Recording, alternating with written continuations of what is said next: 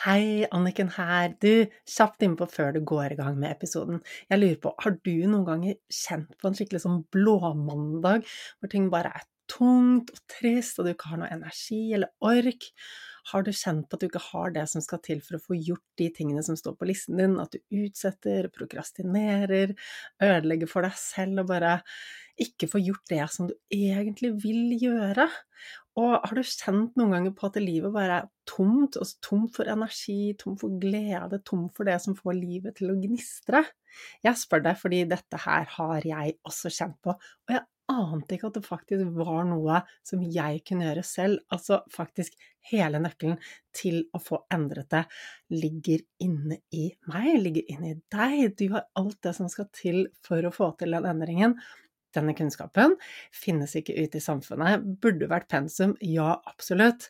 Og da jeg lærte det jeg nå kan i mentaltrening, så var det som om bare et stort lys gikk opp for meg, og endelig falt puslespillbrikkene på plass.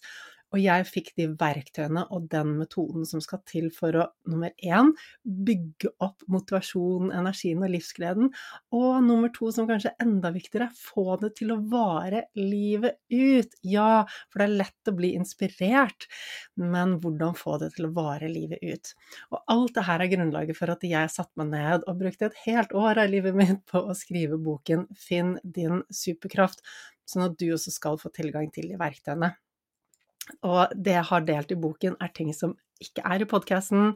Jeg har ikke delt det på kurset mitt, ikke på sosiale medier. Så det er helt ny kunnskap, nye verktøy og nye lydspor hvis du er en av de som har gått kurs hos meg eller fått noen av lydsporene mine fra før av. I boken får du 16 helt nye lydspor som endrer på tankesettet sitt. Så det jeg skulle fortelle deg om, var at boken nå ligger ute til forhåndssalg. Frem til 1. mai så kan du bestille den på forhåndssalg, og da får du den sendt rett hjem til postkassen din med en gang den er på lager. Og det som er ekstra, ekstra fint med at du bestiller dem på forhåndssalget, og det lærte jeg først nå, siden jeg selvpubliserer og kunne jo ingenting om hva, altså hvordan publiserer man en bok, men nå har jeg skjønt at det, å få solgt mange bøker på forhåndssalget gjør at man lettere kommer inn på boklisten, og den er visst veldig magisk, for når man er der, så er det en stor hjelp. Det gjør at boken får spredd seg til enda flere, enda flere får hørt om det. Og denne boken burde vært pensum, burde vært inne på alle skoler. Altså, hvordan hadde verden sett ut hvis alle hadde verktøykassen for å faktisk bygge opp motivasjon, drivkraft, livsglede, og bare ha det bra, få gjort det du vil, og trives med deg selv? Slippe å være passasjer til følelsene dine når følelsene svinger og du bare er tom og skjønner ikke hvorfor. Altså, denne, det er en brukermanual for hjernen som vi alle, alle burde hatt. Så hvis du tenker at øh, jeg kan også ha nytte av noen verktøy som kan holde energien min gående, holde motivasjonen gående, humøret bare rett og slett gjøre at jeg får levd et så mye kulere liv, så ligger det link til boken Finn din superkraft i episodebeskrivelsen. Det er også bare å google Anniken Binds bok, den ligger på Nordli. Og husk på at når du bestiller før 1. mai, så er du faktisk med på å bidra til at enda flere får tak i denne verdifulle kunnskapen. Så du, det var bare det jeg ville dele med deg. Håper du koser deg med episoden. Det er alltid mulig å ha det bedre og få mer ut av livet. Med riktig kunnskap og gode verktøy så kan du også ta livet ditt til neste nivå. Level Up er podkasten for deg som vil ha mer glede, mer energi, mer overskudd, motivasjon og mening, og rett og slett bare ha et bedre liv.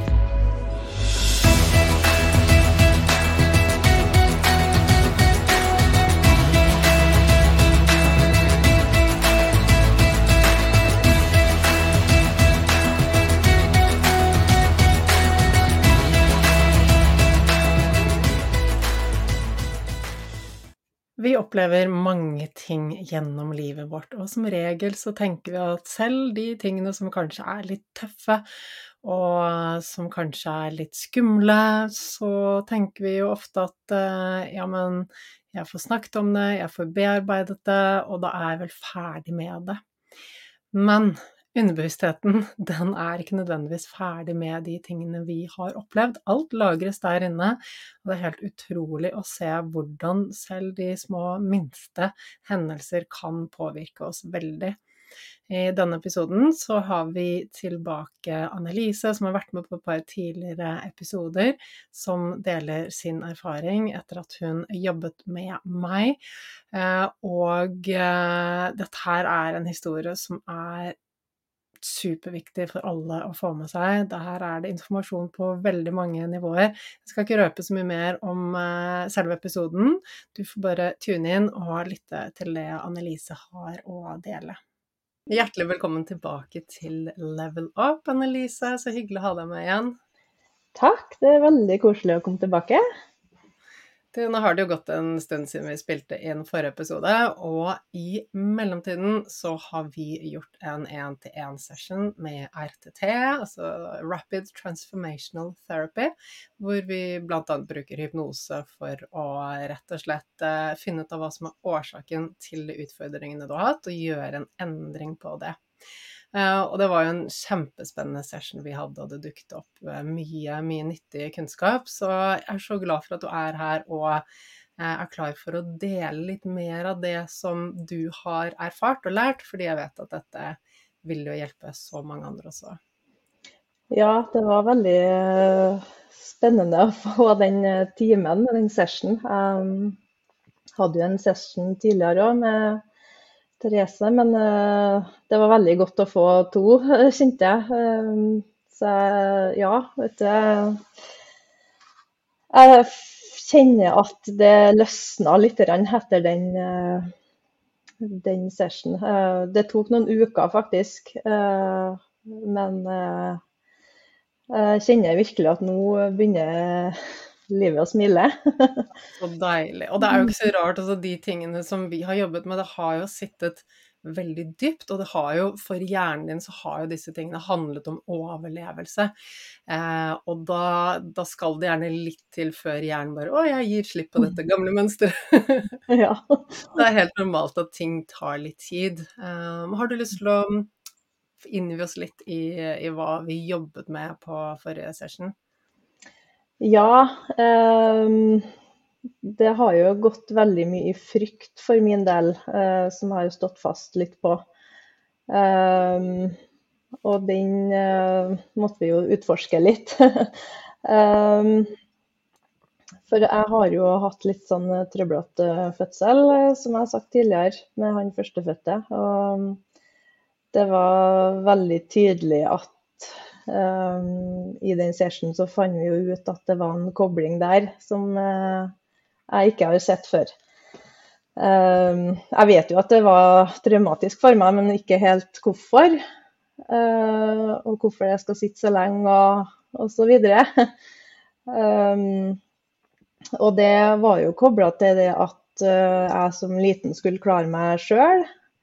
Eh, og har alltid gjort det hele livet. Og så havner jeg i en situasjon hvor jeg faktisk ikke klarer meg sjøl. Og mm. da trodde hjernen at jeg var i livsfare. Um, og det følte jeg kanskje litt òg. Uh, eh, I tillegg til at jeg kanskje ikke ble helt mottatt på den måten jeg ville bli mottatt på sykehuset. Uh, som òg forsterka den følelsen. Um, og det satte seg. Ja, det har satt seg. Og, og dette, vi snakket jo litt om det i forrige episode også, det som For det hadde kommet opp da du jobbet med Therese, ikke sant. Det at du i barndommen hadde lært at ok, jeg kan ikke stole på andre, jeg er nødt til å klare meg selv. Eh, og at det ble en sånn sannhet i hjernen din, ikke sant? et mønster. Noe hjernen din lærte at ok, jeg må ta vare på meg selv. Uh, og jeg ser jo det dukker opp hos veldig mange jeg jobber med, at det, det kan være små, liksom, kanskje bagateller, hendelser fra barndommen, ting som skjer, men som gjør at vi opplever at oi, det er ingen der som kan komme og hjelpe meg, og så trekker vi den slutningen at oi, jeg må klare meg selv. Og jeg har jo ofte fundert litt på um, Dette har jeg ikke gått tilbake og jobbet med, men eh, jeg er jo den generasjonen som da vi ble født, ble vi lagt i et eget rom på sykehuset hvor alle babyene lå i hver sin seng og skrek, og så ble de tatt inn til mor et par ganger for å amme. Ikke sant? Eh, og hva skjer med en baby når det første møtet med verden er at eh, jeg får ikke den nærheten og tryggheten jeg trenger, som er jo da mor eller omsorgsperson, eh, og jeg får ikke behovet mitt dekket. Ikke sant? Veldig raskt kan man lære det at OK, jeg er aleneverden, jeg må klare meg alene. Den hjelpen, støtten, tryggheten jeg trenger, er ikke tilgjengelig for meg. Og så må jeg bare understreke til alle som lytter, at det kanskje høres litt rart ut, de tingene vi jobber med. Jeg er sikker på at du også, Annalise, nå har du gjort et par sessions, så det begynner å bli litt mer normalt for deg. Men men det er, ikke, det er jo ikke bevisste tanker som, som hjernen gjør. Det er ikke sånn Oi, nå bestemmer jeg meg for dette, og nå tror jeg på dette. Så, vi er jo ikke klar over det. Det er mønstre som ligger i oss, og så, og så styrer de oss. Det, kan, så det er ikke noe vi gjør med bevisstheten, det er ikke noe vi gjør med overlegg, men det styrer oss uten at vi er klar over det, eh, og er veldig sterke krefter. Så så ja, det kan høres litt rart ut å si at eh, sant, hjernen har bestemt seg for at eh, man må klare seg alene, men jeg ser dette igjen og igjen og igjen så ofte at vi har den, den sannheten, den, den, feillæringen, som jeg liker å kalle det, som er lagret i underbevisstheten vår. Og bare for å si det, så er underbevisstheten en del av hjernen.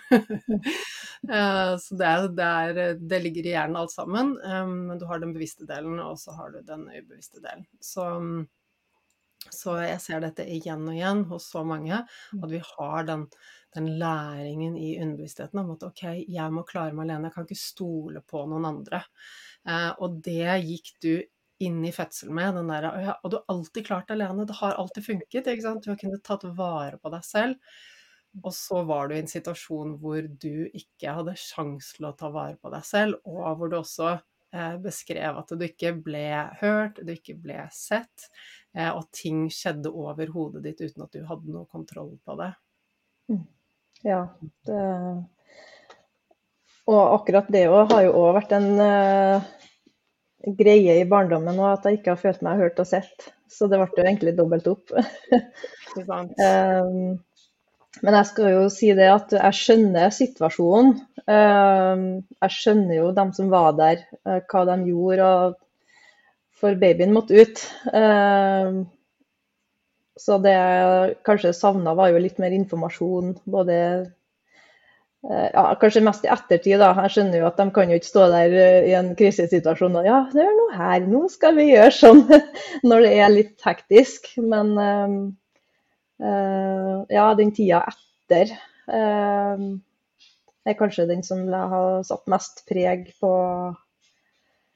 ja, det å bearbeide det som skjedde, da. Um, så ja, det har fått meg til å tenke litt på um, rutiner for uh, fødende. Um, og den seksukerskontrollen et, etter du har født.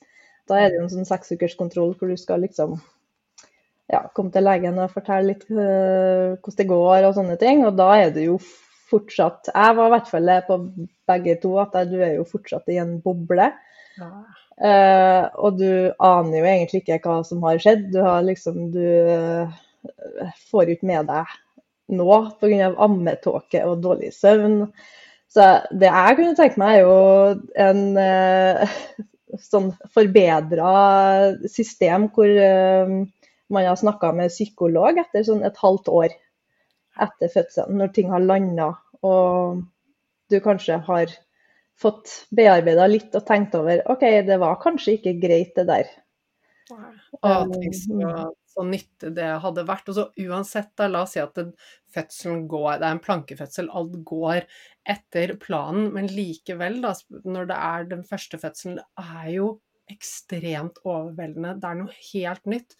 Og du går fra å være deg til å plutselig være mamma med ansvar for et lite barn. Det er så mye som skjer. Eh, og at vi ikke har bedre støtte for moren i perioden før, under og etter fødsel. Eh, det, det, gir jo følgefeil. Det gir jo konsekvenser for de, de som føler at det er en belastning, det er skummelt, det er så mye som kan skje. Så mye tanker man er alene med, hele det ansvaret, og så funker ikke ammingen. Og som du sier, man får ikke bearbeidet. Alt dette ligger man og bærer på.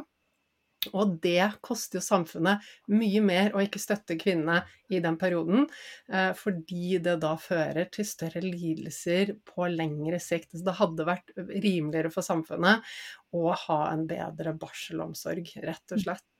Uh, jeg hadde jo, jeg fortalte jo deg også at jeg hadde en ganske sånn traumatisk fødsel altså med førstefødte. Da var det eh, harde kår, og det ble klipping og, eh, og sugepropp og mye som skjedde. Men jeg opplevde at jeg fikk informasjon underveis. Nå må vi gjøre dette for å redde babyens liv. OK, ikke sant? Mm. Uh, og jeg skjønner at det, alle er forskjellige, og det er ikke alltid det er like lett å gi informasjon i en hektisk periode. Uh, men jeg fikk også jeg fikk gå gjennom dette, jeg fikk oppfølging etterpå, fikk snakket om det og ble spurt og sjekket i forhold til at jeg hadde blitt klippet, og, og, og fikk veldig god oppfølging. Um, så det gjorde det mye lettere, det å være med på det å skjønne. Uh, og når du er i en sånn, for deg var det jo For alle ville det vært en truende situasjon. Du mister kontroll over kroppen.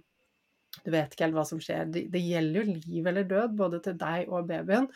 Uh, og når du ikke får informasjon, så er jo dette enda mer truende.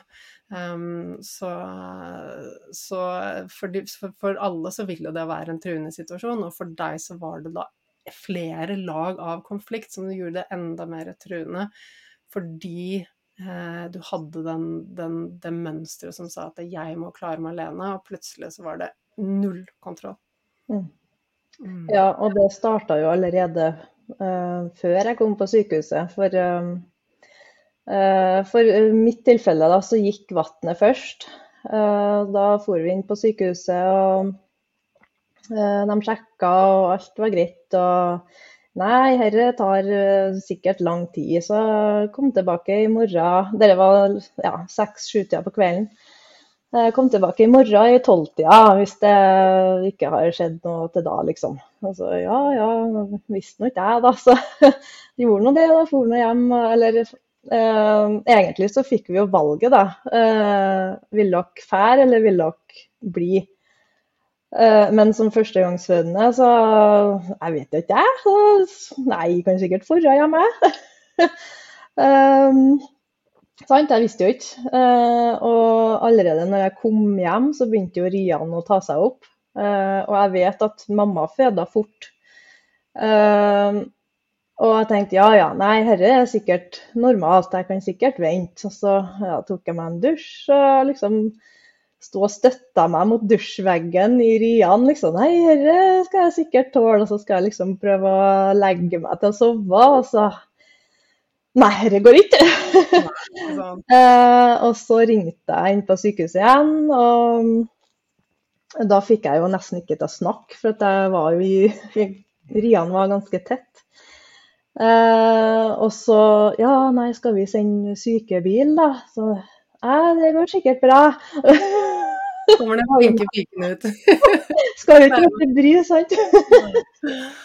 Og så, ja, ja, så la vi på. Altså, ja, vi kommer. Og så gikk det ti minutter, og så ringte jeg tilbake. Du må sende sykebil, for dette går ikke. Um, og da kom de jo ganske fort. Um, og jeg sto jo Når jeg tenker tilbake på det nå, så skulle jeg ha lagt meg i senga og føda der. Eh, for jeg måtte ta pause fra døra ut til sykebilen eh, pga. riene. Um, og alt liksom Når jeg tenker tilbake, bare Å, herregud, jeg skulle bare blitt igjen. For jeg tror jeg hadde pressria i ambulansen. Uh, og jeg lå der og holdt igjen fordi at dem som var med meg, visste ingenting. Eh, men de hadde jordmor på tråden, eh, så fikk beskjed om å sjekke om de så et hode, da.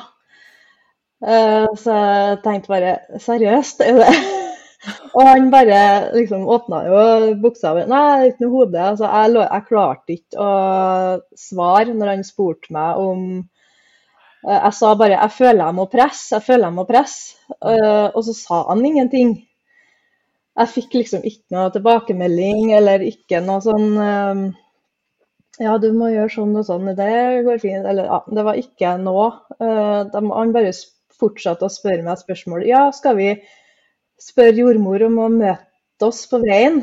Og sånn Jeg vet ikke! og lå der liksom konsentrerte meg om meg sjøl, liksom. Og da lå jeg og holdt igjen riene. Eh, for jeg, da tenkte jeg ikke F om jeg skal føde i eh, ambulansen her med folk som ikke vet hva de holder på med. Mm. Så da gikk jeg rett i den derre eh, beskytte meg sjøl-modusen, da. Eh, for da tenkte jeg at ja, de, de jordmorene kommer jo sikkert ikke på en stund. Og så, ja. Eh, så jeg klarte å holde meg til sykehuset. Og så kom hun på akutten der, og da hadde jeg 9 cm åpning. Eh, rett på føden. Og da hadde jeg jo motarbeida kroppen så lenge at riene begynte å gi seg. Eh, jeg begynte å få dårlige rier da, rett og slett. Ja, altså det, Jeg kan jo også legge til det at eh, de eh, hormonene vi trenger for å drive i fødselen, de kan ikke eh, de, produksjonen av disse hormonene blir stoppet når vi kjenner på stress og trussel. Så det er veldig mange fødende som opplever det, kommer på sykehuset, det er nytt, det er fremmed, eh, fremmede mennesker, og så stopper riene. Så sånn er kvinnekroppen laget. Når vi er i stress, så produserer vi ikke kjønnshormoner. Eh, og det vil også stoppe fødselen, som er helt naturlig, fordi i den ville verden vi levde i før, så ville vi jo ikke føde hvis vi var i trussel. Så det er klart at det har vært en trussel for deg bare å være i ambulansen der. Disse har ikke peiling på hva de holder på med, ikke sant. Og, og det stresset er jo nok også til å stoppe riene, pluss at du motarbeidet det, da. Mm. Selvfølgelig noen tilfeller, I noen tilfeller så, så vil jo kroppen bare kjøre på og drive ut babyen. Ja. Eh, det, det, er jo Ja. Mm. Mm. Ja. Så ja. Så når jeg kom inn dit, så var jeg rimelig Da var jeg jo allerede utslitt. Ja. Uh, og kan kom kjørende bakom ambulansen. Og så han kom jo ganske fort etterpå, han òg, så han var jo heldigvis der. Uh, og de uh, jobb... Ja, jeg husker ikke så mye akkurat etter jeg kom inn døra der, men jeg prøvde jo å presse, da, men det var jo ingenting som skjedde. Og så kjente jeg at uh, riene begynte å gi seg, så da måtte jeg få riestimulerende. Og da kjente jeg at OK, nå begynte riene å komme uh, på nytt igjen. Og så bare det skjedde ingenting. Han satt fast. Um, og da lå jeg jo i senga, uh, som jeg i ettertid nå har tenkt at hvorfor i all verden skal man ligge i seng og føde? um, og det kom jo inn en lege da, som sa at OK, vi, for han prøvde jo å klippe, men da det skjedde fortsatt ingenting. Og da begynte jeg å bli så utmatta at jeg husker at jeg bare lente meg til mannen og hviska liksom 'Jeg klarer ikke mer'. Og han bare 'Hæ?' 'Jeg klarer ikke mer', liksom. Uh, og jeg var, også, jeg var helt ferdig, så da kom det jo et par leger og skulle ta den med sugekopp. Uh, og det, det, er jo ganske heftig, det òg. Uh, eh, hun sto med foten på sengekanten og drog, liksom. Det, det er ikke sånn sugekopp og plopp, så er den ut. Det Nei. det, det, ja, jeg husker at knokene til fødselslegen ble helt hvite, for hun sto og, og, spente fra med hele kroppen og dro. Så ja, det er, det er ikke bare et plopp, nei. nei. Ganske heftig. Ja, uh, så det var ganske heftig. Og så, jo, så husker jeg at de sa at at uh, til kallen min da, uh, at ja, det har blitt en syste som uh, står i veien. Og det hørte jo jeg, da, så tenkte jeg har jeg kreft, liksom? og bare fortalte ikke meg hva, hva det var. men det er visst noe som Nå er ikke jeg noen fødselslege, men jeg tror det er bare noe som kan hovne opp, som gjør at det blokkerer. Jeg vet fortsatt ikke hva det var, men det er det jeg tror det var, da. Um, som bidro til at den satt fast, i tillegg til stresset, da, sikkert. Um, så når hun sto og dro der, da, så ble det jo selvfølgelig revninger. Um, som uh, det var 50% av eh, den store muskelen inn til rumpa, eh, pluss to helt avrevne andre muskler. Mm. Og det var uten smertestillende. Uh, og det Jeg tror det var kanskje det som satte seg mest i kroppen, for da trodde jeg at jeg skulle dø. Ja. For det var så smertefullt. Og jeg bare husker at jeg hyla av all min makt, som jeg aldri har hyla før. Å, herregud. Jeg har vondt i meg. Um, det er. Så ja, så den eh, Og da var det noen som Jeg husker det var ei attmed som sto der og liksom skulle prøve å stoppe meg fra å få panikk da, og hyle, så hun bare så meg i øynene og sa 'se på meg, se på meg', liksom, for å liksom eh, få meg til å roe meg ned. Eh, men det var jo så vondt. at liksom, Jeg slutta jo å hyle, men det var jo helt ja, for jævlig, eh, rett og slett. Um, og da var det, fikk jeg kanskje han på brystet i eh, ja, minutt eller to før jeg måtte eh, rushes på operasjon for å sy igjen, for det, de fikk ikke til å stoppe blødninga. Uh, og der var jeg i fire-fem timer. Uh, helt utmatta eh, etterpå. Og våkna og var jo helt Jeg hadde jo mista hva var 1,4 liter blod. Um, og jeg var helt sånn derre Ja, jeg har aldri opplevd noe lignende. Um, og det virka som at de tok veldig, så veldig lett på det, um, de som jobba der. Som jeg følte liksom Jeg visste jo ikke om dette var normalt eller ikke. Ikke sant. Ja, Uh, og jeg følte liksom at øh, jeg ble litt pressa til å liksom Jeg skjønner jo at øh, man ikke skal ligge øh, når man har opplevd noe sånt, at man kanskje må få i gang kroppen, og at man ikke skal ligge og liksom dra ut den tida hvor man liksom kommer i gang igjen. Men jeg følte at jeg klarte ikke det. Og så øh, var det bare sånn Ja, nei, har du vært oppe og gått i dag? Nei, nei. Eh, og vi hadde ikke Og jeg ville ikke skru på lyset på rommet, for det var for heftig, liksom. Jeg vil- eh, når de kom inn Oi, her var det mørkt, og skrudde på lyset. Og, uh, og bare det det å gå Altså, du trengte hvile. Jeg trengte å kvie meg. Det var helt Altså, skrum, skrum, Er det for mye med lyset på, du skrur ned lyset, så er det kroppen som sier ifra. Ikke sant? Det, er, Mm. det er det du har behov for. Rett og slett gå i dyp hvile. Mm. Som er da kroppen reparerer seg. Ja. Mm. Uh, ja, så bare det å gå på do var jo en strabasiøs ferd for meg. Uh, ikke minst at det var vondt, da. Uh, og hva skal jeg si, etter at jeg våkna og ble trilla inn på rommet, så var jo ikke babyen der. tenkte jeg, hvor hvor er babyen, liksom? Uh, og så sa mannen min at nei, de tok henne for å gi henne litt mat og eh, ta seg av den litt sånn. Og så sto han og eh, syke, ene sykepleieren og fortalte å, han var så nydelig, han hadde så store øyne. Og jeg bare knakk sammen, for jeg huska jo ikke hvordan han så ut. Så jeg, da følte jeg jo meg som en dårlig mor for at jeg ikke visste hvordan ungen min så ut. Og bare, hun bare «Åh, skal jeg hente den, eller? Ja! For jeg hadde jo på en måte mista den derre etterfødsel fødsel rosa sky-opplevelsen. uh, og jeg Ja.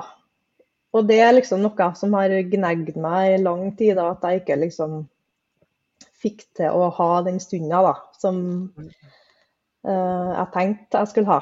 Um, og så skulle jeg liksom prøve å sette i gang amming da, i alt, oppi alt det der. Um, og de var veldig flinke til å, å ta den når de For de, de eh, viste meg amminga og var veldig gode på det. Og så tok de han etterpå igjen, sånn at de ga han mat i mellomtida. For de, de så jo sikkert litt at jeg sleit litt, men eh, eh, de ville jo liksom få i gang produksjon og det der, så jeg måtte jo liksom. Um, Men eh, jeg var jo Jeg ser på bilder nå, jeg var helt grå i ansiktet.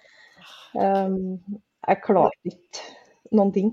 Nei, det skjønner jeg. Altså, jeg sitter her med gråten i halsen hele tiden når du snakker, fordi det, det er rett og slett så mye heftige ting som skjer med deg, både fysisk og mentalt gjennom disse dagene. Og ja, altså, jeg har jo nylig brukket armen min, og det er bare en liten bagatell. men det har virkelig satt meg ut. Og nå er, okay, nå er, jeg 46 år gammel, og det er klart at jo eldre vi blir, jo mer eh, trenger kroppen tid til å restituere. Men jeg har vært litt sånn overrasket over hvor mye hvile jeg har trengt bare for å bygge opp igjen det lille bruddet.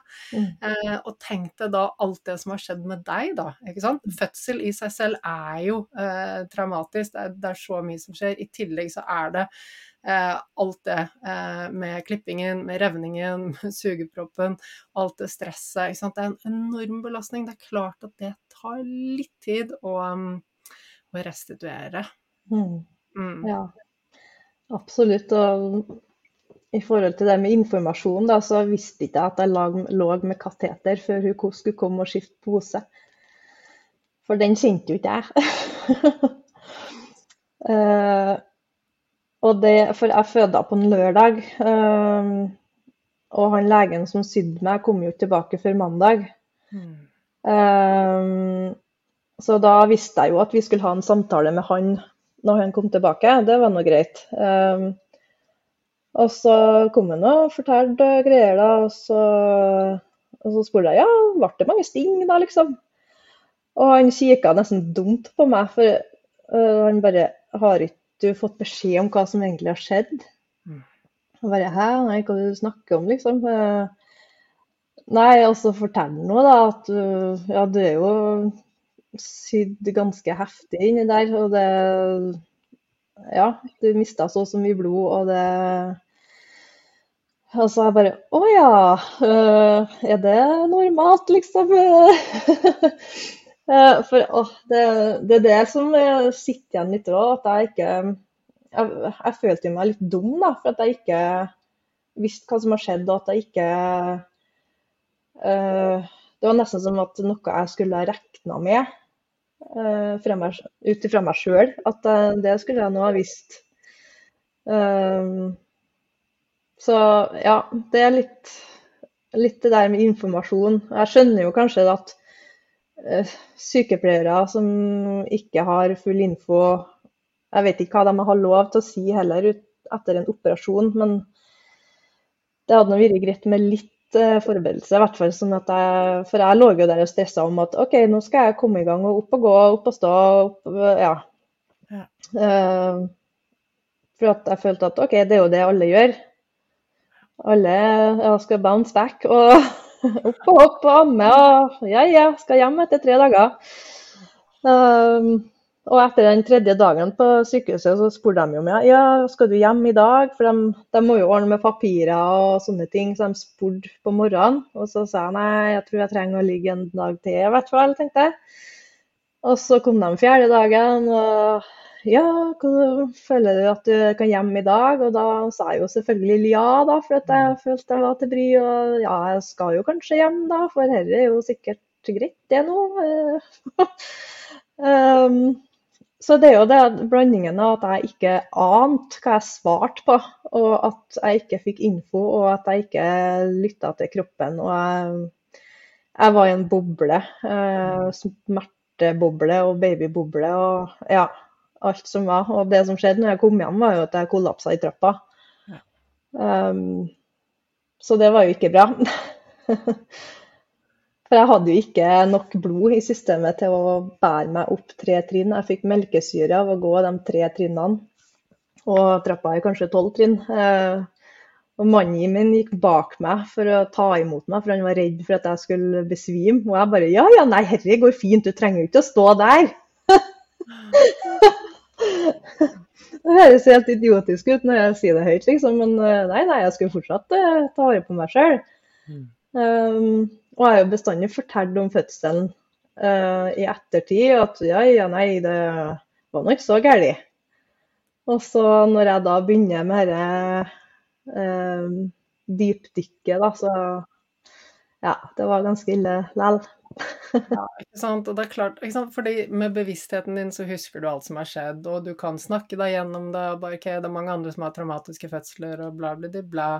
Eh, og så er vi liksom ferdig med det. Men selv om vi med den bevisste delen av hjernen på en måte kan bearbeide ting, så sitter du fortsatt i underbevisstheten. Mm. Eh, og jeg husker også at du, du, Den episoden da du kollapset på vei opp trappen, den dukket jo også opp, ikke sant. Og mm det, og det kan jo alle kjenne seg igjen i, det hvis plutselig kroppen svikter. Eh, du er vant til at du kan gå opp trappen hjemme, ikke sant? Ja. Det har du alltid klart, og plutselig funker ikke det. Det er jo kjempeskummelt. Mm. Du mister jo all kontroll, eh, og så blir det OK, hva er det som er galt med meg? Kommer dette til å vare for alltid? Er jeg ødelagt? Og så kommer alle de tankene. Mm. Mm. mm. Ja, det var bare smertene i seg sjøl gjorde at jeg ikke klarte å sitte ordentlig på tre måneder. Um, å sette meg opp for å amme var jo et uh, herk uten like. Um, for da måtte jeg jo Jeg hadde jo så mye puter og ekstra dyner i senga for å bygge opp ryggen og sitte mest avlastende for å i det hele tatt kunne amme. Um, så de nettene var jo helt grusomme. Um, og når han uh, skulle tilbake på jobb igjen, så kommer jeg på at jeg bare Hvordan i all verden skal dette her gå? For han skifta jo alle bleiene. Han hjalp meg å løfte han ut av uh, senga. Um, alt med bæring og sånne ting gjorde jo han. Og så skulle jeg liksom plutselig jeg klarte ikke å røre meg sjøl engang, og så skal jeg, skal jeg, ta meg en baby. Um, det gikk jo, men uh, ja. Det, vi kunne ha gjort det annerledes, sånn når en tenker tilbake på det. Men jeg tenkte jo at dette blir jo ikke noe langvarig. Jeg kommer sikkert til å gro, og så blir alt fint, og så kan jeg begynne å trene, og så blir jo alt normalt igjen. Uh, og jeg visste jo ikke at eh, folk ikke kunne sitte etter dem og føde. Jeg tenkte at ja, ja, nei, det er jo sikkert vondt til andre folk òg, men det, ja. Det, jeg, hvis jeg tenker etter nå og sitter på de tankene, så klarer jeg fortsatt å kjenne den smerten. Ja. Uh, selv om de ikke er der i dag, så husker jeg hvordan de føltes. Mm. Um, så nei, det der var Jeg husker mer detaljer av den fødselen enn den siste som jeg hadde i 2020. For det var jo en såkalt drømmefødsel. Så det var jo heldigvis at jeg fikk til det. Så jeg fikk en god opplevelse i ettertid.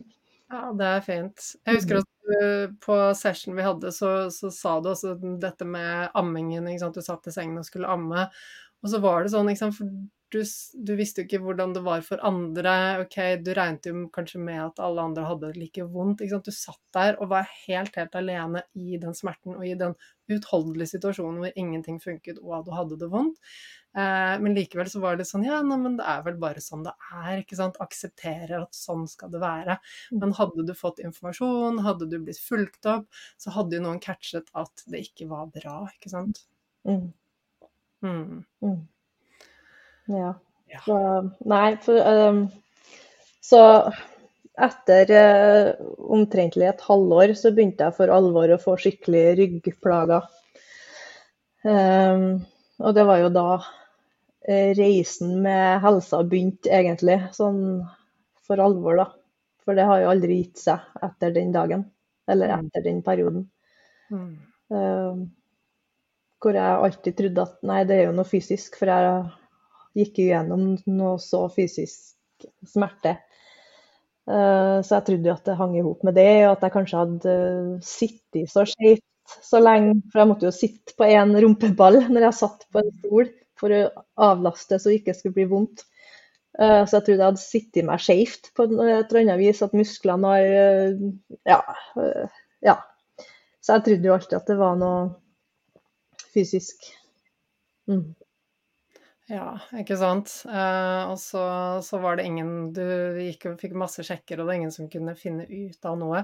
Te, Mm. testet også altså, bekkenbunnsmuskulaturen for å se hvordan den var etter fødselen? Nei. Nei. Det Ikke, er jo ja, ikke noe annet enn øh, Å ja, får du til å knipe? Ja, fint. Ikke sant. Ja. For det er jo noe som Jeg vet jeg jobbet jo mye med dette før. Jeg har jobbet med, med, mm, med gravide og, og kvinner i barsel. Så vet jeg jo det at det er lite kunnskap om hvordan eh, vi egentlig skal knipe, og hvordan bekkenbunnen skal fungere, og det er veldig lite oppfølging av det etterpå. Og jeg kan jo tenke meg at spesielt i det du var gjennom, så er det nok bekkenbunnen blitt svekket. eh, og når den ikke har den samme støttende effekten som den vanligvis har. Eh, så Det er jo del av kjernemuskulaturen. Um, så vi ser jo da ofte at ryggproblemer også kan være en konsekvens av at det er svekket, og da den, den dynamikken i, uh, i, kjernemuskulaturen.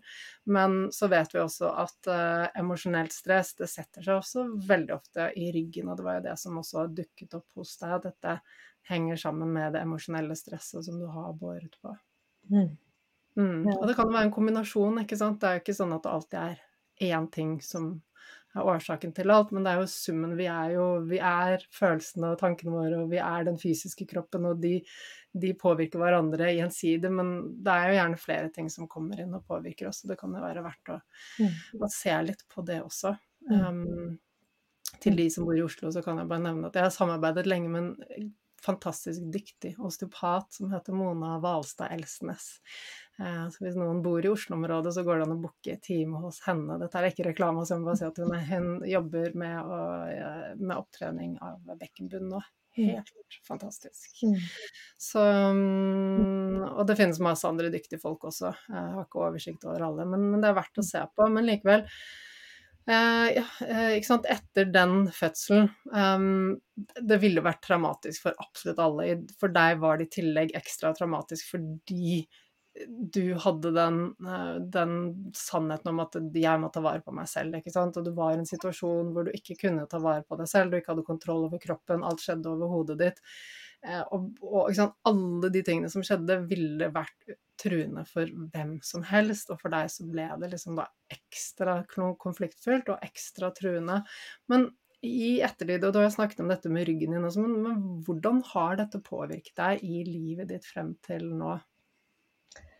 Um, veldig mye. Um, I starten så fikk jeg jo ikke til å stelle babyen i det hele tatt. Um, så jeg lå jo egentlig bare og venta til mannen min kom hjem, så han kunne ta over med en gang. Jeg, var, jeg, var, veldig ikke funksjonabel, uh, for å si det mildt. Jeg kunne ikke lage mat. Det var vondt å snu seg i senga. Det var uh, Det bare brant i hele ryggen. og alle sånne sosiale sammenhenger, så måtte jeg forsikre meg om at de hadde en stol jeg kunne sitte i. Jeg kunne ikke sitte på noen sånne pinnstoler som var rett opp og ned. Jeg måtte ha en sånn svak eh, bakoverlent stilling.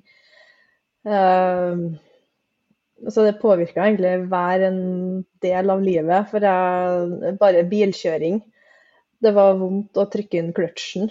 Eh, det var vondt å gire, uh, for det var liksom for tungt. Uh, å ta og Hvis jeg svingte på rattet uten at jeg hadde en ordentlig fart, det, for det er jo litt tyngre, det var vondt. Uh, og jeg husker kanskje det verste, eller toppunktet, da, hvor jeg liksom følte at OK, nå er det skikkelig ille. Det var når jeg skulle lage en rispose med sånn boil-in bag, og så hadde jeg klipt hølet for smått. Og da må man jo gjerne riste litt hardt. og så sto jeg rista på den, og jeg klarte ikke å stå oppreist um, for å riste ut av den posen. Uh, og jeg klarte ikke å stå og skrelle to poteter. Um, så det var veldig, veldig ille. Uh, så det har blitt veldig, veldig mye på mannen, som er en uh, engel sendt fra himmelen. Han har virkelig vært min klippe. Um, ja. Så det har blitt veldig mye på han. Ja. Ikke sant. Og igjen det Du har alltid klart deg selv og tatt vare på deg selv, og det å ikke sant, se at han er nødt til å gjøre alle tingene for deg, det, det vil være tøft for absolutt alle. Uh, for vi, vi, har et ønske om å være selvstendig og ikke være til bry. Ikke sant? Det ligger jo i alle oss mennesker. Um, så jeg skjønner at det, det, har vært veldig tøft. Ja. Mm. Og det at jeg føler ikke at jeg fikk bonda skikkelig med han uh, babyen, da. Mm. For det var vondt å sitte på gulvet uh, attmed han. Uh, det var vondt å bære han, så jeg fikk ikke å bære han. Så det var jo noen ganger at han lå og skreik, og jeg måtte bare sitte attmed i en stol uten å kunne løfte den opp. Mm. Um, og det har vært veldig tungt mm. å tenke på. Og det var veldig tungt der og da, for det var liksom Jeg følte at jeg, jeg fikk ikke til morskap. det, da kommer ja. skam, og da kommer skyld, og dette burde jeg jo klart, og jeg burde vært en bra mamma, og så føler du at du ikke strekker til, og så blir det bare mm. en sånn stor, svart verkebil som bare blir verre og verre. Og alt det er jo emosjonelt stress som du går og bærer på også. Mm. Mm. Mm. Så etter hvert så um, kom du deg tilbake i jobb, eller var du sykemeldt uh, hele tiden? Uh, jeg var 100 sykemeldt i starten etter permisjon. Uh, han måtte han, Markus måtte jo begynne tidligere i barnehagen enn hva vi tenkte. Han var bare 11 måneder. Fordi permisjonen min gikk ut, permisjonen hans gikk ut. Og jeg hadde egentlig tenkt å ta meg ulønna permisjon den sommeren, for den er født på juni, fram til høsten, men det gikk jo ikke. Og barnehagen var veldig snill, uh, for vi måtte jo ringe dem og spørre om de hadde noe ledig plass, og om de hadde noe ledig kapasitet til en så liten en som ikke kan jo gå ennå. Uh, og de var så forståelsesfulle, og jeg vet ikke hva jeg skulle gjort uten dem. Um, så jeg var jo 100% sykemeldt, og så jobba jeg meg sakte, men sikkert opp. Um, for det som, var, det som jeg syntes var så rart, var jo at jeg fikk jo til å trene, sjøl om jeg hadde de her smertene. Ja. Det var ikke noe problem. Men å stå og lage en salat, det klarte ikke jeg. Uh, så heldigvis så fikk jeg til å trene, for det redda meg litt uh, psykisk, tror jeg, og fysisk. Uh, og gjorde kanskje til at jeg klarte å holde ut så lenge som jeg gjorde. Så jeg klarte å jobbe meg opp til 70 um, men ikke lenger. Mm. Da stoppa det. og da Jeg hadde jo smerter når jeg kom hjem fra jobb, så det var jo ikke optimalt. Jeg skulle sikkert ha jobba 50, kanskje 40. Uh, men jeg har bestandig hatt god arbeidsmoral og flink pike og skal liksom Jeg vil jobbe, jeg vil være 100 og jeg, ja, jeg veldig glad i fysisk aktivitet og ja, den biten der. Så jeg, jeg ville jo Det var kanskje det at jeg tenkte at hvis jeg jobber 100 da er jeg frisk. Ja. det var litt den tanken òg. Men det ble 70% i kanskje to år, hvis jeg ikke husker feil. Uh, før vi bestemte oss for å prøve å få en til, da. Uh, la det briste eller bære, for jeg ville at han skulle ha et søsken.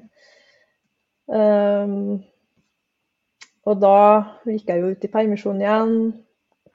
Uh, og det var vel kanskje et år Jo, et år etter han ble født, så begynte jo det andre problemene da med stressanfall og ja, det vi har snakka om forrige gang. Um, Så det, jeg har jo på en måte kjørt kroppen på 150% når jeg kanskje hadde 40% å gi. Ja. Ja. Ja. Det er klart det er en stor belastning. Og vi, vi, eh, vi skal jo også ha respekt for at det, eh, Nå leste jeg et sted at det, altså det som er postpartum, altså barseltiden, det kan vare fra to til syv år. Eller, altså, det vil si at det, kroppen har vært gjennom en stor påkjenning av hele graviditeten, også fødselen, også barselperioden. Det tar tid for kroppen å komme seg tilbake igjen. Eh, og, og, så skal vi ut og jobbe, og så skal vi prestere, og så skal vi gjøre ditten og datten. og, og, kjøre systemet vårt. Og du i tillegg som da hadde vært gjennom det du hadde vært gjennom. Um, så ja. Nok en belastning. Mm. Ja. I hvert fall når man ikke vet hvorfor.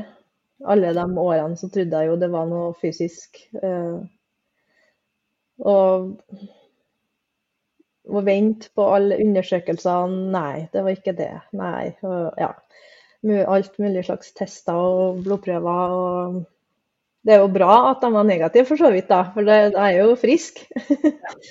um, så, men det er jo frustrerende, da, at du ikke får noe svar. Um, og at jeg igjen da blir overlatt til å klare meg sjøl. Men det var jo vant til, da, så det var, var, jo kanskje ikke noe nytt. Men jeg har bestandig hatt den uh, 'jeg skal ikke gi meg'-følelsen. Uh, for jeg føler at her er det noe som jeg kan bli bra av. Jeg føler ikke at det her er noe, er noe sykdom, eller jeg har bestandig hatt en sånn i bakhodet at jeg må bare finne ut hva det er, så blir jeg frisk. Yes. Så jeg har aldri gitt opp. Uh, jeg har jo selvfølgelig hatt perioder med depresjon og pga. situasjonen. Men jeg har aldri tenkt at nei, nå gir jeg meg. Nå vil ikke jeg noe mer. Uh, nå får det bare bli sånn resten av livet. Uh, så det tror jeg har drevet meg til at jeg faktisk har eh, begynt å komme på rett spor nå, da. Så bra. Det er en god grunninnstilling å ha. Mm. Som har som, Men ja, så Og det du også Det vi også jobbet med, var at du du har hatt en sånn frykt da i deg siden, siden fødselen. Eh, en frykt for eh, stress og bli mer sliten, ikke sant? Mm. Mm. Ja. For alt jeg følte, var jo smertefullt. Alt jeg gjorde. Bare det å reise meg eller skue meg litt lenger fram på stolen, det var vondt. Så jeg, det som eneste som ikke gjorde vondt, var jo å sitte i reclineren min på stua. Uh, så den har jo vært min uh, safety blanket skal du si, i mange år. Uh, og den har jeg, uansett om jeg har hatt vondt eller ikke, så har jeg tydd til den stolen når jeg har følt meg stressa, overvelda. Hvis det har blitt for mye for meg, så dumper jeg i den stolen, og da liksom blir det bra. Eller ikke bra, da, men at det klarer å liksom hente meg inn. Uh, og det har uh, Ja, hver dag når jeg kommer hjem fra jobb òg, så jeg rett ned i stolen. Uh, og etter den session med deg nå, så er det første gang jeg ikke har gjort det nå på sju år. Så nå har jeg eh, Uka her så har jeg kommet hjem. Jeg har vært på plantesenter og begynt med hagen eh, før jeg i hele tatt har gått inn i huset. Eh, jeg tenker ikke på den stolen. Jeg tenker ikke liksom Å nei, nå, å, nå ble det for mye, nå må jeg gå og sette meg. Så jeg tror at dere har sluppet betraktelig nå. Og jeg har Eh, siste perioden så har jeg jobba tre dager i uka eh, for å, at jeg har nødt til å ha den fridagen imellom, eller fridagene imellom for å komme meg. Eh, tanken på å dra på jobb bare mer enn tre dager har vært helt sånn Nei, jeg, jeg, må, jeg må, ha den fridagen. og de siste tre ukene så har jeg jeg har fortsatt beholdt den 50% men nå har jeg jobba hver dag uh, i kortere, kortere, dager, da. Uh, og nå føler jeg at nå kan jeg øke. Så deilig. Ja, for nå er jeg liksom Å ja, tre timer på jobb, det er jo ingenting. Så ting, ting har skjedd. Og det, uh, det, begynte jeg å tenke på for et par dager siden, faktisk. At den stolen der er ikke så veldig fristende lenger, den. altså, fantastisk. Men du har jo trengt den stolen, ikke sant. Det var din trygghet, det var liksom der du, du fikk hentet deg inn. Og, og, det er ikke rart at systemet ditt har vært redd for å bli mer sliten, har vært redd for å bli mer stresset, for du har jo sett hvilke konsekvenser det har på kroppen. Mm. Eh, så det er ikke redd at det har blitt sittende. Hjernen vår er plastisk, vi lærer oss disse tingene. Har, først, uh, har, vi først lært at det ene fører til det andre, så sitter det jo igjen gjerne som en læring. Så vi kan jo sant, være ute av en farlig situasjon. Du, du, var sant, kommet deg igjen etter fødselen i hvert fall i stor grad, men følelsen den nervekoblingen satt der fortsatt. At det kan føre til det, og jeg må passe på. Så det er ikke rart at det, du har hatt en frykt for å slite deg ut og bli stresset. Mm. Mm. Mm. Veldig, veldig gøy å mm-hmm. høre, Annelise. Så, og så er det jo klart at uh, det er jo en prosess, dette med endringen. ikke sant? Og som du sier, for et par dager siden så ble du plutselig bevisst på det. ikke sant? For det er jo ikke mm. alltid vi går rundt i hverdagen og bare 'Å, nå er jeg bevisst på at det, det er annerledes'. Men plutselig så stopper vi, og så stopper vi opp, ser litt tilbake, og så bare 'Oi, men nå er det helt annerledes enn det var mm. for en stund tilbake siden'. Mm. Mm. Hvordan ellers har det styrket deg, den jobben vi har gjort, hvordan ellers har det styrket deg i forhold til eh, tankene dine om deg selv, om livet ditt, hvordan du forholder deg til tingene nå? Uh, ja, det, jeg har blitt mye mer laidback, da. uh, ja, skikkelig deilig. uh, jeg blir ikke like trigga av ting jeg ble trigga av før, sånn som ungene og høye lyder og mye folk. Nå kan jeg sitte på pauserommet på jobb. Hvis det kommer inn mye folk der, så er det greit. Um, Istedenfor å gå på kontoret. Um, så jeg, blir veldig Jeg har blitt veldig bevisst på det der. At oi, nå tåler jeg det her. Nå tåler jeg det her. For tidligere så måtte jeg jo ha hatt inn ørepropper eller bare gått ifra situasjonen. Um, så jeg blir ikke like trigga. Um, og bare det å kjøre bil er jo chill. For uh, bare sånne banale ting, liksom. For at uh, uh, Med tanke på det stresset, så ble jeg trigga av at en bil passerte meg i motgående kjørefelt i stor fart. Jeg tror det var farta som gjorde at nervesystemet bare kicka inn, og bare fikk jeg en sånn og, ja, eh, og sånne små hverdagslige ting da, eh, har blitt mer mer håndterbart. Um, uh, ja, bare det at jeg ikke blir nummen i armene av å vaske håret, liksom. um, det, det, er jo ganske digg. at jeg klarer å beholde roa mer med ungene. Uh, hvis jeg har jo en treåring som er Han er treåring og tester veldig mye grenser. Så jeg klarer liksom å beholde roa istedenfor at han skal Eller at de må ha mannen til å ta over, da. At, uh, ja. Så jeg klarer at jeg liksom Nå, jeg, nå klar, føler jeg at jeg klarer å være en mor, da. Uh, som jeg har kommet over, ja, kommet over en litt sånn kneik der. Så, men jeg føler at jeg har jo um, utvikla mine egne teknikker for å være nær dem, da, istedenfor det å holde dem og Jeg har jo gått ned på kne og holdt i dem. Uh, men jeg husker da at Markus han spurte jo aldri om jeg kunne bære den, for det gjorde jeg jo aldri. så, så, jeg måtte jo gjøre mine ting som gjør at, gjorde at jeg kunne være attmed uh, og det tror jeg har styrka meg i dag, for da liksom jeg, er jeg litt mer bevisst på at det er andre ting enn liksom det å plukke opp dem og bære på dem, for det er jo tungt. Eh, så ja. Eh, det høres jo veldig klisjéaktig ut, men at uh, Jeg har jo viksi på det å ha vondt, da. Jeg har viksi på det å lære meg sjøl å kjenne. For jeg har ikke jeg har jo ikke gjort denne her eh, emosjonelle reisen, for å være litt klisjé, eh, uten å ha de her plagene. For jeg har jo blokkert meg sjøl følelsesmessig fra jeg var lita. Um, og det har jo òg åpna seg. Um, og i starten så var det jo, når du åpner slusene, så er de åpne. Ja. Uh, så jeg begynte jo å skrike for alt.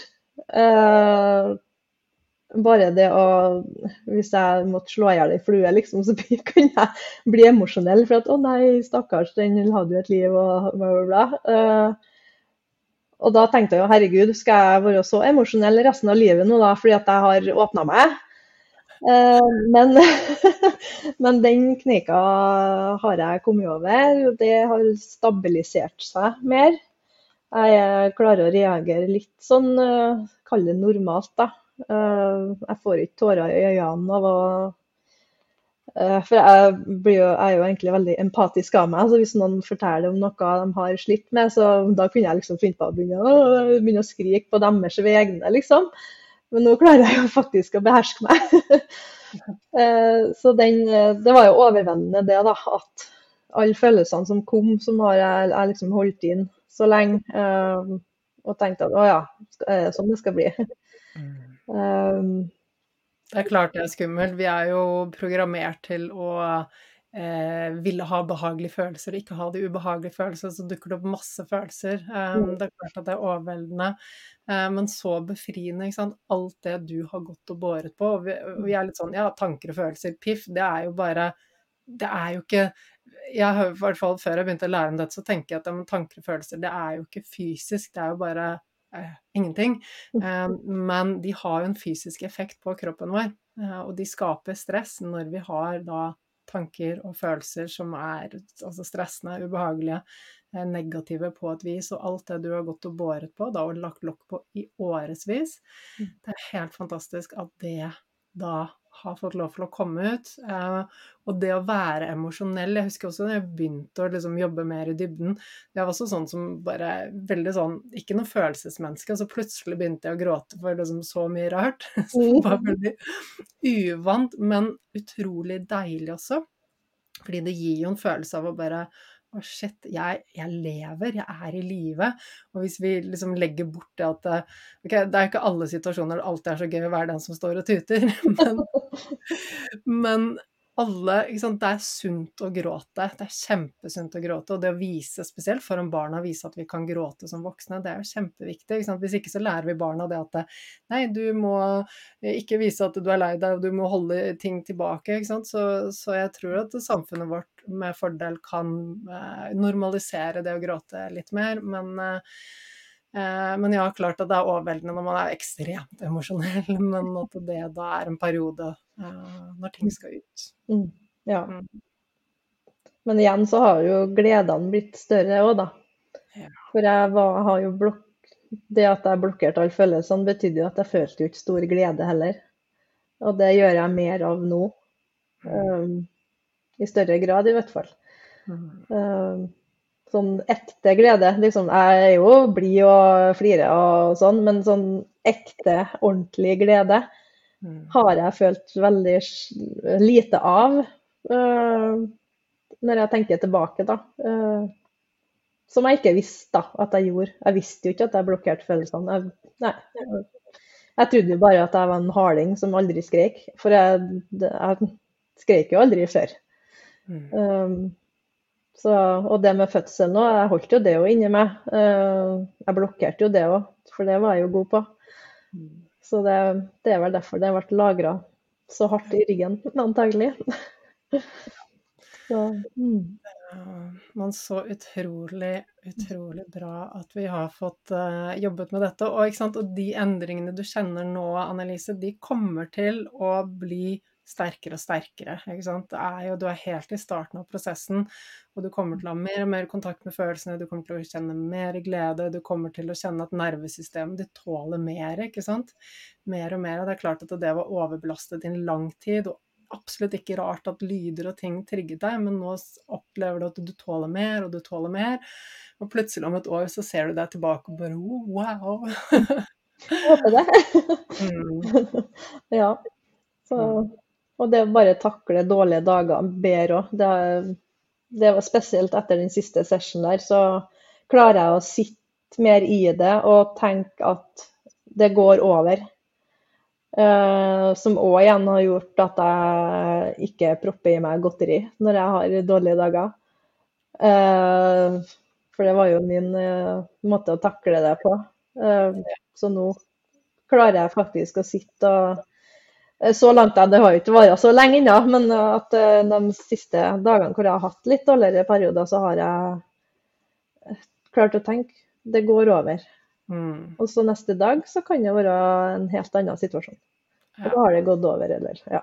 Og det er så viktig at du evner å se at ja, men det her er ikke for alltid, og det er helt OK å ha en dårlig dag, ikke sant? Versus før hvor det kanskje kjentes overveldende ut, og, og du kanskje satt med den følelsen av at det her kommer aldri til å ta en ende. Mm. Eh, og så snakket vi jo helt i starten om ok, hvilke ting vil du jobbe med, og du, du var jo inne på ok, å jobbe med spisemønstre og emosjonell spising.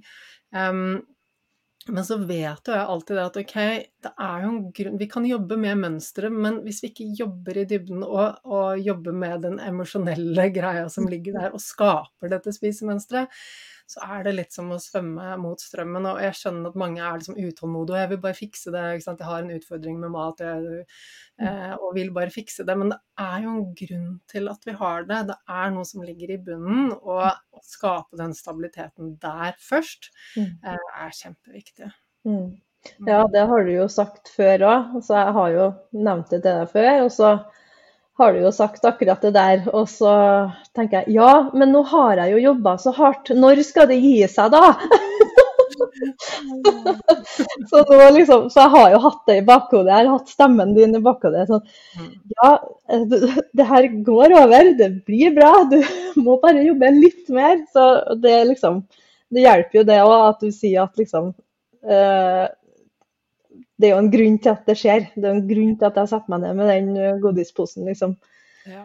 Det er, det, er, det er, ikke bare sånn out of the blue, det er, det er en grunn til det. Vi må jobbe med, med, det som er årsaken for å endre det som er symptomet, rett og slett. Men du Annelise, eh, det er jo egentlig ganske kort tid vi har jobbet sammen. Det er jo ikke så lenge siden du kom inn i mitt univers, det er litt over et halvt år siden ja, litt over et halvt år siden. Og for å bare oppsummere, hvilke endringer har skjedd med deg siden du begynte på kurset og gjorde disse RTT-sessionsene? Oi, ja det, det, er jo masse.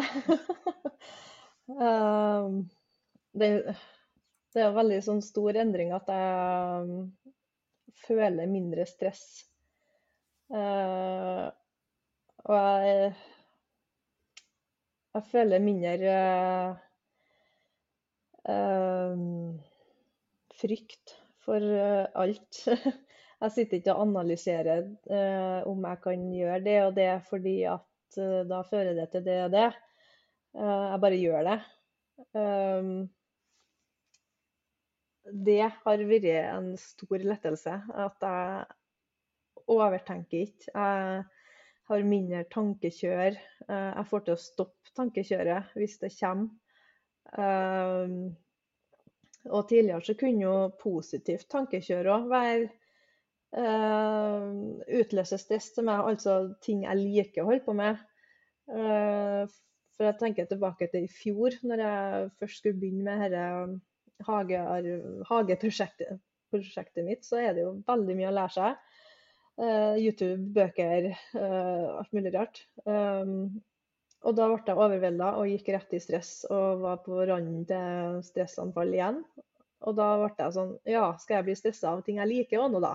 uh, men i år nå så Jeg har holdt på så mye i denne hagen. Og jeg, jeg har gjort research, jeg har lært meg nye ting. Og jeg har gjort det med glede. Det er ikke ikke jeg, jeg blir, Det eneste stresset som er, er at jeg er fysisk aktiv, som kan bremse meg litt. For jeg er ikke helt der ennå at jeg kan holde på i timevis uten å ta pause. Mm.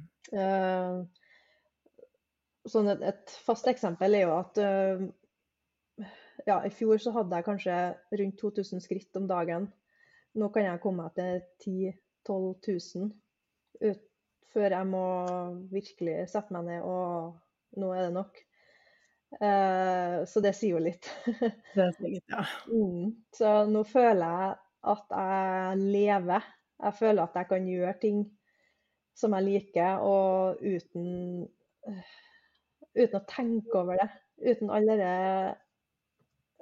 ja, tankekjøret, rett og slett. Og at jeg kan være med ungene uten å sitte og vente på at mannen min skal komme hjem for at jeg ikke klarer mer. Uh, ja. Det, det, er kanskje den største gleden jeg har hatt etter kurset her da, og etter sessions. For det Ja, jeg trodde jo ikke Eller jeg håpa jo på at uh, ting skulle løse seg, men uh, at det skulle gå så fort uh, For meg så har det jo ikke skjedd på et øyeblikk, men sakte, men sikkert. Mm. Jeg har lagt merke til endringer etter at det har skjedd, på en måte. For da har jeg jo oppdaga i forskjellige situasjoner at ah, nå skulle jeg egentlig ha vært stressa. Nå har jeg egentlig skulle ha hatt kjempevondt i ryggen. Uh, nå skulle jeg egentlig ha sittet meg i den stolen. Uh, så jeg merker det litt sånn etterpå. For nå er det kanskje litt mer sånn vanlig Eller ikke vanlig, da, men uh, blitt litt mer vant til at jeg tåler litt mer, da. Mm. Mm. Åh, så utrolig deilig. Og det fortjener du, Annelise. Og jeg tenker bare på alle andre som sitter her i dette landet og har lignende utfordringer. Mitt største ønske er jo at vi får denne kunnskapen ut om hvordan kropp og sinn henger sammen, lærer å tenke litt mer helhetlig og, og gir hjelp til de som Sånn som du, du gikk på sykehuset, alle tester var fine, det var jo ikke noe galt med det, men likevel så var det helt og klart tydelig at du ikke funket. Um, og der er det mange som er, og mange som kan få hjelp og komme tilbake til livet igjen. Mm. Så ja. Deilig. Det gjør meg så, så utrolig glad. Ja. og et annet tips, da, det kommer jo fra Det er vel en av podkastene dine, tror jeg, med pulsklokka og pulskurboka. Eh, jeg har jo hatt Garmin-klokke i et år, men jeg har jo ikke visst om dette stressmålingene og body battery og det der, for dem som vet om det.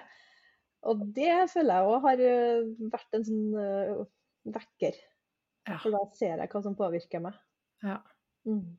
ja. jeg også føler at den, etter at jeg begynte med de målingene, så har det, har det rett og slett tatt helsen min til enda et nytt nivå. For det blir så mye mer bevisst på Eh, og passe på, da. Um, få feedback på hva som stresser, hva som lader. Sørge for at uh, batteriet ikke blir helt utladet. Uh, og for noen uker siden så hadde jeg en eller annen, et eller annet som har skjedd, tydeligvis en eller annen infeksjon som kroppen gikk og bar på. Altså jeg ble ikke syk, men, um, men jeg så at målingene gikk ned, og jeg kjente at kroppen var i ulage. Og da er det klart at ok, men da trener jeg ikke. Uh, og før så hadde jeg kanskje bare sånn ok, men føler jeg meg litt sliten, ja uansett så trener jeg bare, det er sikkert bra. Men nå ser jeg på klokken at ok, det er et eller annet som belaster kroppen, og da er det ikke noe vits at jeg begynner å trene også. Mm. Så veldig verdifull eh, innsikt. Mm. Så bra. Tusen, tusen takk, Annelise, for at du stilte opp og delte av historien din. Jeg er helt sikker på at den kommer til å gå hjem til så, så mange. Ja, tusen takk for at jeg fikk del. Det var artig, det òg. ja. Tusen takk. Nå håper jeg at du sitter igjen med masse ny læring og perspektiv, eh, og at du tar med deg denne kunnskapen videre. Deler den til andre, bruker den i ditt eget liv. Fordi eh, det her er viktig, eh, og det er flere enn Annelise der ute som sliter med lignende ting. Kropp og sinn er jo, ja, hva skal jeg si veldig spennende og ikke alltid så lett å forstå hvordan ting henger sammen. Det at tanker og følelser kan påvirke oss så mye. Det emosjonelle stresset, de tingene vi går og bærer på, at det virkelig har en så stor effekt på oss. Men så ser du nå også hva som har skjedd etter at Annelise har fått bearbeidet det, fått kvittet seg med alt det hun har gått og båret på, så blir hun plutselig mye mer robust. Eh, tåler livet, slapper av mer, er ikke bekymret på samme måten lenger. Um, så ja, vi har så mye å vinne på å rydde opp litt på innsiden. Og du, jeg er så takknemlig for hver og en av dere som eh, abonnerer på podkasten, og som laster det ned. Alt det dere gjør, det hjelper podkasten til å komme høyere opp på listen, sånn at flere får øynene opp for uh, all den kunnskapen som vi deler her. Så jeg setter kjempe, kjempestor pris på at dere er med og støtter podkasten, fordi det gjør at vi når ut med kunnskapen. Så du, jeg gleder meg til å se deg igjen neste uke.